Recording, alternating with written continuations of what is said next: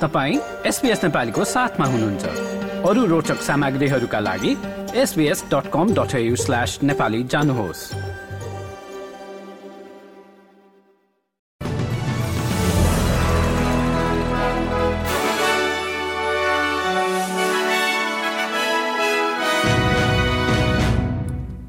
नमस्कार।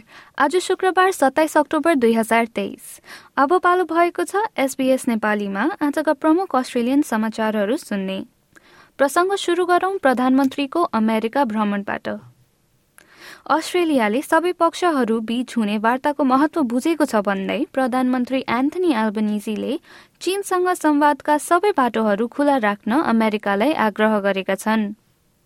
आफ्नो अमेरिकी भ्रमण सकिने लाग्दा बिहिबार अमेरिकी उपराष्ट्रपति कमला ह्यारिस र विदेश मन्त्री एन्टनी ब्लिङ्केनले आयोजना गरेको औपचारिक दिवा भोजलाई अल्बनिजीले सम्बोधन गर्दै हिन्द प्रशान्त क्षेत्रमा चीनबाट हुन सक्ने खतरो विरूद्ध चर्कोसँग कुरा उठान गरे।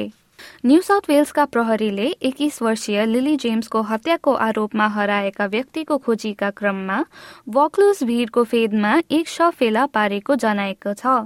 व्यक्तिको पहिचान भने खुल्न सकेको छैन। जेम्सको शव बुधबार मध्यरात अघि सिबिडी स्थित सेन्ट एन्ड्रुज क्याथेड्रल स्कुलको जिमको शौचालय क्षेत्रमा फेला पारेको थियो। इजरायली सेनाले हमासँगको बीस दिन पुरानो युद्धमा हिजो राति गाजामा सबैभन्दा ठूलो हमला गरेको छ।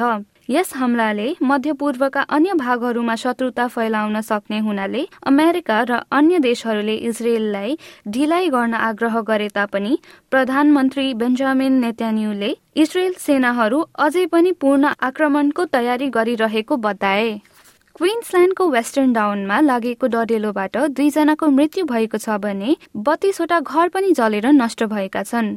उत्तरी क्विन्सल्यान्डको माउन्ट आइसा नजिकै द्रुत गतिमा चलिरहेको बुश फायरको लागि आपतकालीन चेतावनी जारी गरिएको छ र तुरन्तै यस क्षेत्रलाई छोड्न आग्रह गरिएको छ।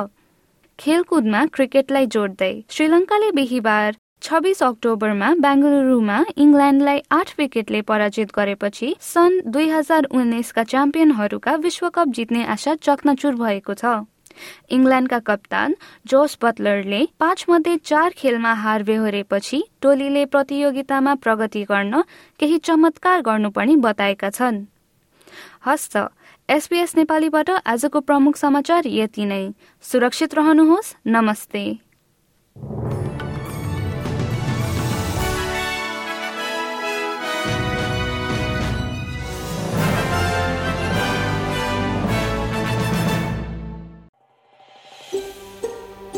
यो जस्तै अन्य प्रस्तुति सुन्न चाहनुहुन्छ?